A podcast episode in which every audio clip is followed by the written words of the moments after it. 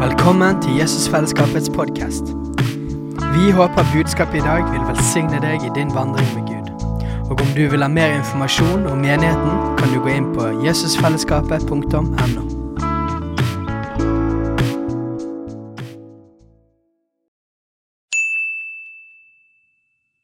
Hei! Visste du at Jesusfellesskapet starter en ny bibelskole til høsten? Den heter Jesusskolen og starter den 3. september. Gå inn på jesusskolen.no for mer informasjon. Jeg heter da Joel Ystebø. Sitter i bystyret her i Bergen for KrF. Og så er jeg tredjekandidat for KrF her i Hordaland. Så jeg pleier å si det at mye skal gå galt hvis jeg kommer inn på Stortinget. Men, eh, men allikevel, det er en, en liten sjanse for det. Men den er liten, da. Men det er, ikke, det er ikke det som jeg jobber for til dagen. Jeg jobber for at KrF skal komme over sperregrensen. Jeg jobber for at vi skal fortsette innflytelse i norsk politikk. At vi skal få inn en fra Hordaland KrF her på Stortinget. Det er litt det jeg jobber med til dagen. Og jeg skal komme litt tilbake til litt det partimessige og saker og det som gjør at jeg mener at det står mye på spill ved dette valget. Men eh, jeg reflekterte litt over det nå når jeg ble spurt her om jeg kunne få, komme, om jeg kunne få komme her. fordi at eh, eh, jeg er på mange måter et barn av Eller ikke på mange måter, jeg er et barn av en kristen familie. Av en levende og brennende menighet, og av en, ikke minst en sterk og god kristen friskole.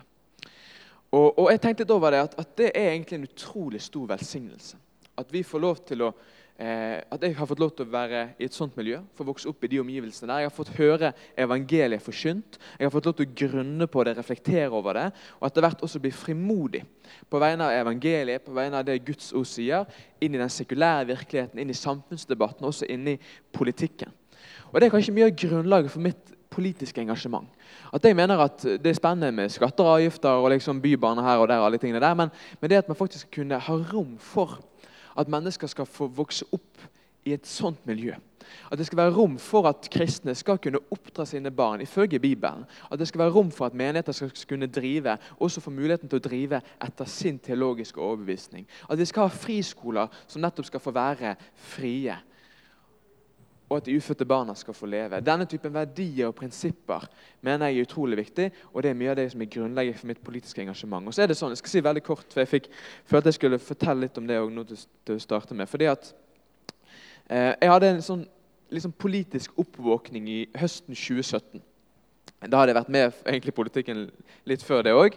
Eh, var liksom opptatt av en del av disse sakene og mente alle de riktige tingene. på en måte. Men, men i høsten 2017 så fikk jeg på en måte en sånn kallsopplevelse som, som gjorde veldig inntrykk på meg. Da hadde jeg vært på en konferanse sammen med min far i, i Washington DC. Eh, og Der hadde jeg hørt en, eh, en dame som heter Laila Rose tale om de ufødte barnas rett til liv. Hun er en kjent sånn ja til liv-aktivist borte i USA. Eh, og, og den høsten der så var det landsmøte i KrFU. Og KrFU skulle avgjøre om man skulle gå inn for selvbestemt abort eller ikke. på det landsmøtet. Og Jeg var litt fersk i gamet, jeg var litt sånn spent, men jeg opplevde at dette skulle jeg dette skulle ta ordet på. Dette var viktig. Jeg tenkte at ok, denne kampen skal jeg ta. Så jeg gikk på hotellrommet på forhånd, skrev et innlegg, ba på forhånd, og så gikk jeg ned igjen i landsmøtesalen. Holdt dette innlegget, og det gikk sånn tålelig greit. Og så kom avstemningen. Og da stemte KrFU for selvbestemt abort på det landsmøtet. Og jeg skal skynde meg å legge til at Man har gått tilbake på det vedtaket siden den gang. så nå er KrFU mot selvbestemt abort. Men på det landsmøtet der så vedtok man det.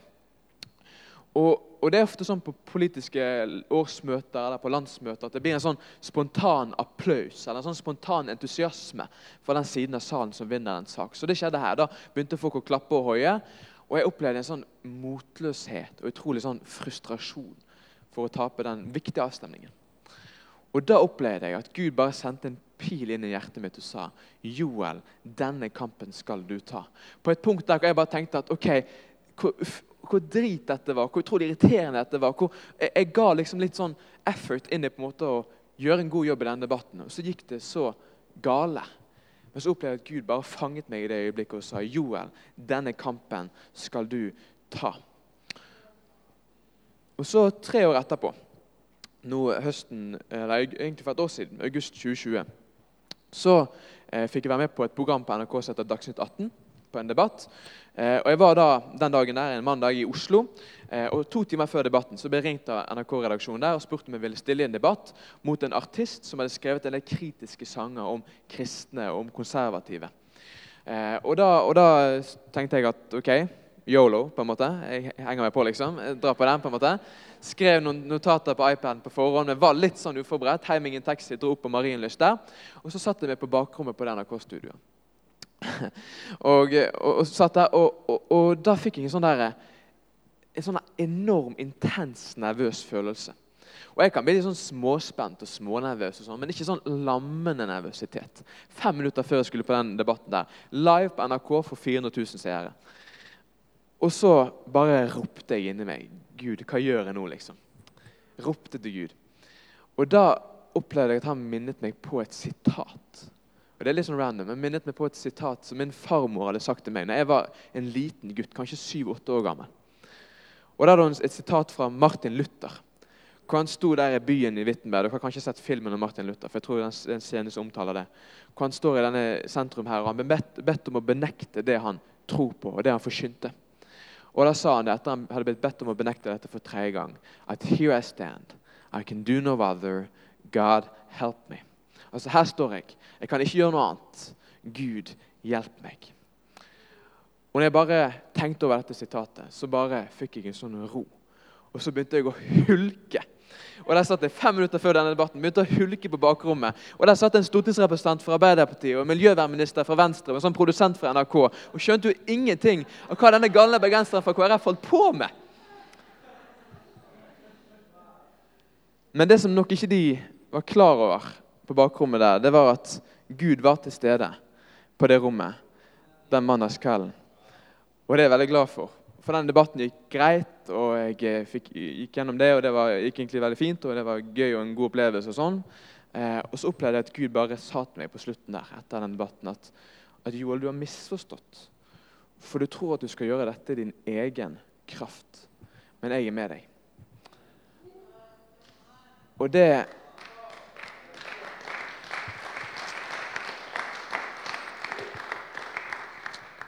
Og jeg, jeg tror det er noe med det at uh, vi kan ofte stå liksom på valg om hvorvidt vi ønsker å være frimodige. På vegne av evangeliet, på vegne av Guds ord, på vegne av de bibelske sannhetene. Og det Enten det er på en TV-debatt eller det er i et familiebesøk, enten det er på lesesalen eller på arbeidsplassen, så tror jeg nettopp det, at vi må ha det med oss. At vi ikke er kalt til å gjøre dette her i vår egen kraft. Vi bor i et kristent land. Vi bor i et land hvor vi har en arv som er så ufattelig verdifull. På en, Eidsvoll, på en bro ved Eidsvoll står det en statue kalt 'Den knelende soldat'. Den ble avduket av kong Haakon tilbake i 1928 til minne om riksforsamlingen og kampen for Norges selvstendighet. Og Norges selvstendighet ble jo nettopp kjempet av knelende soldater med sverdet på ryggen. Og Av og til jeg føler jeg at, at vi har sett en tendens de siste årene hvor folk prøver å snakke ned denne arven. Prøve å snakke ned det grunnlaget vi har for vårt samfunn, som er så utrolig, en så utrolig stor velsignelse. Det virker som man tror jeg pleier å si det, det virker som man tror at da de satt på Eidsvoll i 1814, så skrev de Grunnloven med FNs bærekraftsmål på innerlommen mens de sang 'Din tanke er fri'. Men, men sannheten er det at på, i 1814 så satt det menn på kne i bønn til Gud for vår nasjon på kne i bønn til Gud for en nasjon, preget av nettopp trosfrihet, ytringsfrihet, demokrati. En del av disse viktige grunnleggende prinsippene og verdiene som alle kan være glad for, både kristne og ikke-kristne. Men de har kommet til dette landet nettopp fordi at det var folk på kne i bønn for vår nasjon. Derfor så sier jeg det når folk sier men du er jo bare fra KrF, et sånn bitte lite parti med sånne rare kristne folk. Mens sannheten er jo det at vi får lov til å være bærere av noen verdier, noen prinsipper, som vi har sett at har vært en utrolig stor velsignelse for vårt land. Og det håper jeg at vi skal få lov til å fortsette med også i fremtiden. Og så er det sånn at Jeg har ikke levd så sykt lenge, men på den korte tiden jeg har levd, så har det skjedd ganske mye i vårt samfunn.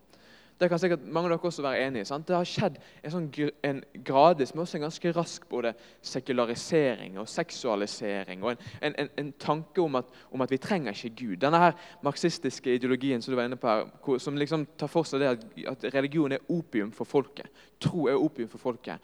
Det har, det har på en måte sneket seg kanskje mer og mer inn i vårt samfunn. Tidsånden den har endret seg. Og Spørsmålet er om vi tør å være tydelige på det grunnlaget vi står på, de bibelske sannhetene vi får lov til å være bærere av. Og Jeg skal, jeg skal nevne kort en historie som dere sikkert kjenner godt til. Men, men, av og til når jeg går inn i debatter, og sånn, så får jeg ofte høre det at, at uh, vi ber for deg, selv om dette her kan bli en Daniel i løvehulen-opplevelse. Og for meg, synes, for meg, er den historien om Daniel ganske sånn inspirerende. Jeg synes den er ganske sånn beskrivende òg for, for, hva det vil si å stå for en del bibelske sannheter inn i, inn i samfunnsdebatten. Fordi at, at, Vi kjenner historien. Daniel han var en, en utrolig utrolig dyktig fyr. Han var eh, an, veldig veldig vel anerkjent i, i, samfunnet og i riket på den tiden. der. Han var, eh, han var blant ansatte ansvar for å forvalte pengene i riket. Og Mange så for seg at Daniel ville bli konge i riket etter den kongen som satt på det tidspunktet der. Men så var det sånn at det var det som var misunnelig på Daniel, og vi tenkte at hvordan skal vi få han i unåde hos kongen? Og Det de da gjorde, det var å sette han opp mot kongen. Og De ba kongen om å innføre en regel om at i 14 dager skulle riket kun tilbe kongen. For det visste de at Daniel ikke kunne gå med på. Så de innførte denne regelen. Og med en gang, Det er fascinerende, med en gang Daniel fikk høre om denne regelen, her, hva var det første han da gjorde? Jo, han gikk hjem, gikk på kne og tilba Gud. Han åpnet, han åpnet vinduet på vidt gap mot Jerusalem og forkynte Gud og sannheten og Guds ord. Og Det synes jeg er litt fascinerende. for jeg, jeg, jeg, kan se for meg det.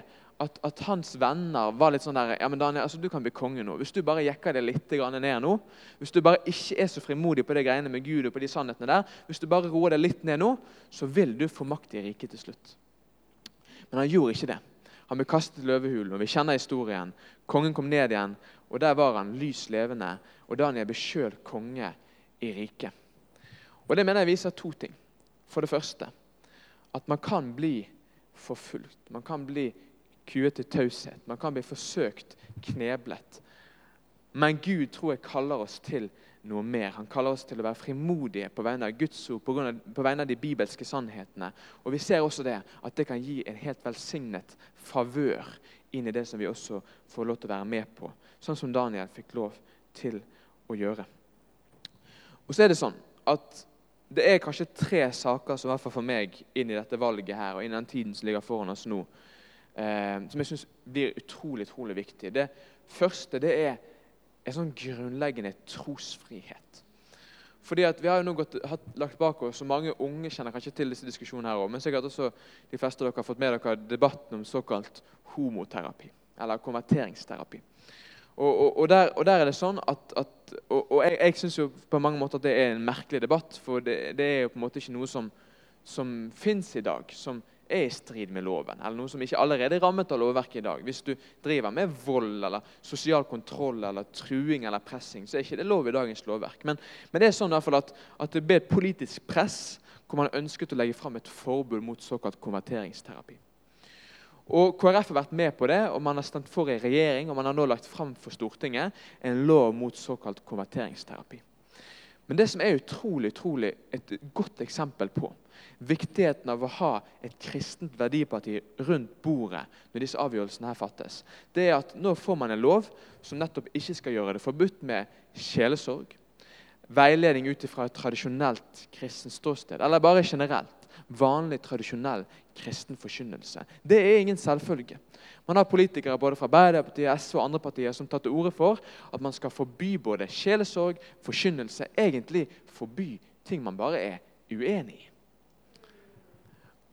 Og Det mener jeg viser det at, at det har en effekt at man nå har får et lovverk som ikke vil ramme menigheter som Jesusfellesskapet eller andre menigheter, som nettopp står for ikke noe sånn veldig radikalt heller, egentlig, men står for bibelske sannheter, Guds ord, og det Bibelen omtaler som rett og godt og sannhet. Så det er én sak. Kampen for trosfrihet, muligheten til å kunne stå for det man ønsker, forkynne det man ønsker, den er truet i Norge. Der har tidsånden endret seg, og det har endret seg på veldig få år, egentlig. Det andre det er kampen for friskolen. Jeg har så vidt vært inne på det, men, men jeg er en veldig sånn friskoleentusiast. Og, og, og, det er fordi jeg har sett effekten av det i mitt eget liv. Jeg har fått sett effekten av at jeg får lov til å gå på en sånn skole, få kristne venner. Og, og jeg beundrer virkelig folk som, som, som, går på en offentlig skole som er kristne, for det er ganske tøft. Men, men, det har for meg vært en veldig stor glede og velsignelse at jeg har fått lov til å være der, eh, få høre evangeliet, bli frimodig, og etter hvert også gå ut i utenfor den boblen som gjerne er kritikken av, av kristne friskoler. Men, men greien er jo den at, at nå har man fått en situasjon hvor det er politisk press mot disse friskolene. Da de rød-grønne satt med makten fra 2005 til 2013, da sa daværende skoleminister eller utdanningsminister Trond Giske at elever som går på kristne friskoler, blir mindre sosialt intelligente enn elever som går på offentlige skoler. Og det, Om jeg er sosialt uintelligent eller ikke, det får jo andre bedømme. Men, men det sier ganske mye om, om hva, som er, hva, som er, den rådende holdningen til nettopp det at elever går på en kristen friskole, som er et utrolig stort gode ved det norske samfunnet. Nå har Arbeiderpartiet og flere partier, særlig på venstresiden, garantert at de ønsker å gjøre rammene trangere for friskolen. Så det gjør det at Vi har en situasjon hvor det kun er ett parti som for alvor løfter viktigheten av friskolene, verdien av friskolene, ønsker å beholde de økonomiske rammene, ønsker at det skal være lov å ansette personale basert på skolens verdigrunnlag. Disse tingene her, Det er under press. Jeg pleid å si at Dette er et friskolevalg. Utrolig mye står på spill når du kommer til disse skolene. her. Og Det mener jeg er et konkret eksempel på en sak som vil påvirke mange familier sitt liv, mange elever sitt liv, og hvor vi ser at KrF er en unik stemme. Den tredje saken, som kanskje er det viktigste for meg, der jeg virkelig kjenner Kanskje en av hovedgrunnen til at jeg står opp om morgenen for tiden. Det er kampen for de ufødte barnas rett til liv. Og eh, Det var kanskje du som la det ut en gang, Steinar. Eh, dette er sitatet fra Louis Engel om 'End abortion, send revival'. Og, og, jeg synes jo på en måte, hvis det, altså hvis det, er en kategori mennesker som passer perfekt inn i definisjonen 'disse mine minste', så må det nettopp være de ufødte barna. Og, um, og nå har man fått et, et scenario hvor, hvor, det selvfølgelig er veldig vanskelig å stå opp for de ufødte barnas rett til liv. Jeg synes det er fantastisk da, at det i disse dager sitter KrFU-ere på skoler rundt omkring i hele landet og snakker for de ufødte barnas rett til liv. Som står i disse kampene. som blir både, eh, altså, sist, sist, gang jeg var på en skoledebatt nå eh, eh på fredag, så, så ble jeg faktisk spyttet på av to jenter som kom bort til meg etter debatten. Så det er en god del KrF-ere. Det synes jeg er bra at kristne, både ledere og, og, folk som går i menighet og kristne aktive, er klar over at det er ganske mange KrF-ere og politikere som går i menighet, som er kristne, som inni, er med i en del av det gamet der, som faktisk står i en del sånne fighter. Eh, og, og, og, det, og det, er ganske, det er ganske sånn eh, ekstremt hvordan de tingene der har blitt. Men, men, nå har man fått en situasjon hvor abortloven har ligget ganske fast de 40 årene den har vært. Men nå får man flere og flere forslag som tar til orde for å utvide abortgrensen. Både til enten til uke 18 eller til uke 22. Fire av fem rød-grønne partier som kan havne i regjering etter dette valget, her, har tatt til orde for å gå til valg på å utvide abortgrensen. Det gjør at man kan få et scenario på norske sykehus Gå på ett rom på sykehuset kjemper et for tidlig født barn om livet, mens på rommet ved siden av aborteres et barn på samme stadium i svangerskapet. Det er hjerteskjærende. Det er ikke menneskeverd. Det er ikke Norge verdig. Og Vi trenger politikere på Stortinget som faktisk tør å være en stemme for de stemmeløse nettopp inn i de politiske prosessene der. For dette her er ikke først og fremst et politisk spørsmål. Jeg er helt enig med det Steinar sier. Dette er ikke først og fremst et politisk spørsmål. Disse tingene her er ikke først og fremst politiske spørsmål. Det er kristne og viktige verdispørsmål som bør angå oss alle, som vi alle bør være opptatt av. Problemet er bare det at det er spørsmål som har en del politiske løsninger. Som har en del politiske konsekvenser. og Derfor er det viktig hvem som sitter rundt kongens bord, hvem som er en stemme i norsk politikk, og som sitter på Stortinget. Min tid er i ferd med å renne ut her, si. men eh, jeg, skal, jeg, skal, avslutte litt her med bare en veldig klar og, og tydelig oppfordring at uh, Jeg sto her tror jeg i 2019, og fikk lov til å si noen ord om at jeg stilte til valg. Og da pratet jeg litt mer sånn overfladisk om hvorfor jeg har vært engasjert i politikken. og hvorfor jeg engasjerer meg i politikken. Men denne gangen her så kommer jeg egentlig med et litt større alvor for dere. Egentlig denne gangen her så er jeg kanskje litt mer sånn desperat i stemmen. Og det er fordi at det har aldri stått mer på spill, både politisk for en del av disse sakene her, og det har heller aldri stått mer på spill for Kristelig Folkepartis fremtid i norsk politikk. Vi har nå hatt seks målinger disse tre dagene her i september. Tre av de er vi over sperregrensen. Tre av de er vi under sperregrensen. Vi var 4000 stemmer fra sperregrensen i 2017. Nå er det enda tightere. Bare 100 stemmer her i Hordaland kan avgjøre om vi kommer over eller under sperregrensen. Det er ikke en overdrivelse. Det er ikke noe jeg sier for å prøve å mobilisere velgere nå i siste liten, når jeg har litt sånn panikk og sånn. Men det er helt reelt. Det er analytikerne sine tall veldig få stemmer kan avgjøre om vi skal ha et kristent verdiparti på Stortinget i fremtiden. Jeg pleier å si det, at det er helt greit at du liker er helt greit at du liker bondepolitikken til Senterpartiet, eller arbeiderpolitikken til Arbeiderpartiet, eller næringslivspolitikken til Høyre, eller miljøpolitikken til MDG, eller tydeligheten til partiet De kristne. Det er helt fair, det kan jeg forstå. Det kan jeg til og med selv av og til ha litt sansen for hos en del andre partier. Men det har aldri stått mer på spill for disse verdiene. Aldri før har KrF hatt en mer utsatt posisjon ved et valg. Og jeg både tror og håper at kristenfolket ved dette valget vil forstå at man vil miste en utrolig sentral og viktig stemme på Stortinget hvis KrF går under sperregrensen. Jeg pleier å si det. Sigvard Dagsland han har skrevet en sang, og jeg har ikke for vane å sitere han, men uh, han, han, har skrevet en sang hvor han synger det at uh, du har gitt oss kjerke og Gud. Hun gjør vel hva hun kan. Hun virker sliten, hun er litt rar. Men om hun svikter, så er hun alt vi har.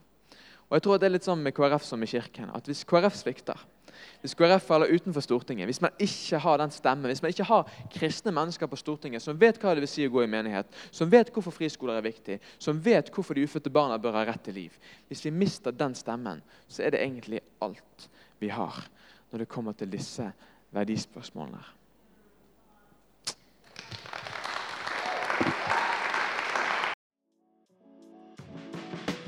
Hei, alle sammen. Det er Katrine og Steinar Lofnes her. Vi er hovedledere for Jesusfellesskapet.